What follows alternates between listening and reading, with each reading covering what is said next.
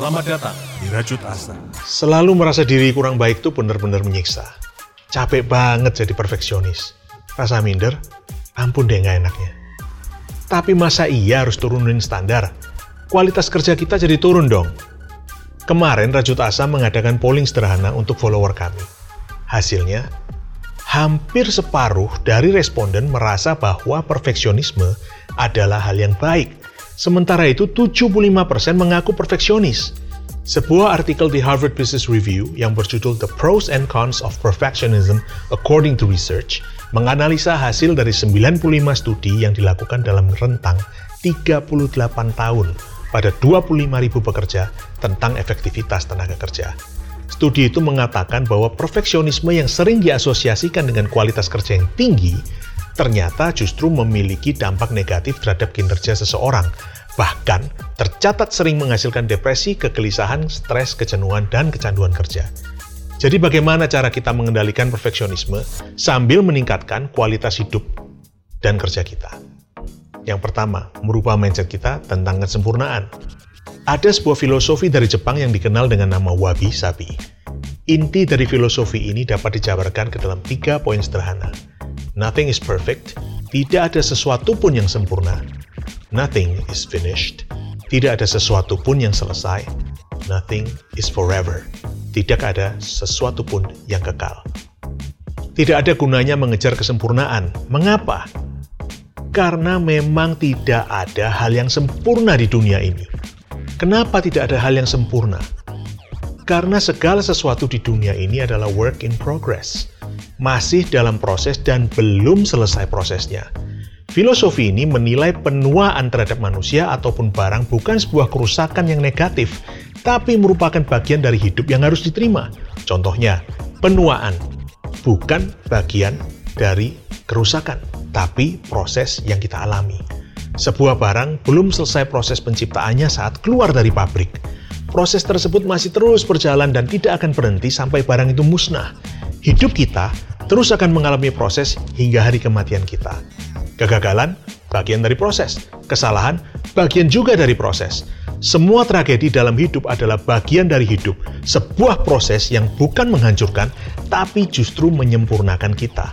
Hal ini diekspresikan dalam karya seni kintsugi, di mana seniman memecahkan piring, gelas, atau objek lainnya setelah selesai dibuat, dan kemudian pecahannya disambungkan kembali dengan emas.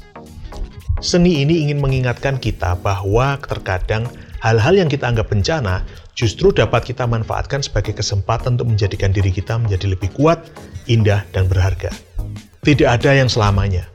Proses yang kita alami akan selalu berakhir dalam kematian, dan justru di sanalah kita akan mencapai garis finish dalam proses yang kita alami.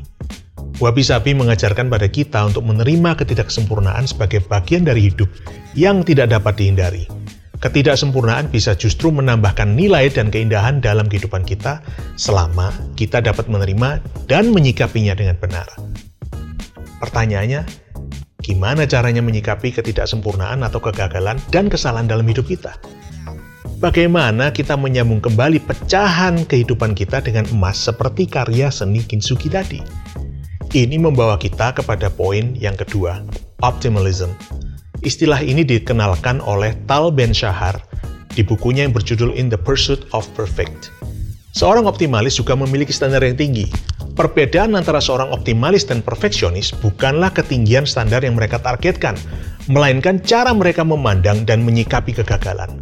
Seorang perfeksionis akan merasa bahwa untuk menjadi kuat, seorang tidak boleh memiliki kelemahan.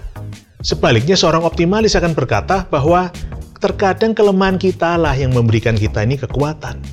Seorang optimalis sadar dengan segala keterbatasannya, dan ia akan berusaha melakukan yang terbaik sambil sadar penuh bahwa apa pun yang dia lakukan tidak akan dapat menjadikan dia sempurna. Optimalis akan memaksimalkan pengembangan diri dalam keterbatasan mereka dan belajar untuk menikmati naik turunnya kehidupan sebagai proses belajar dan bertumbuh.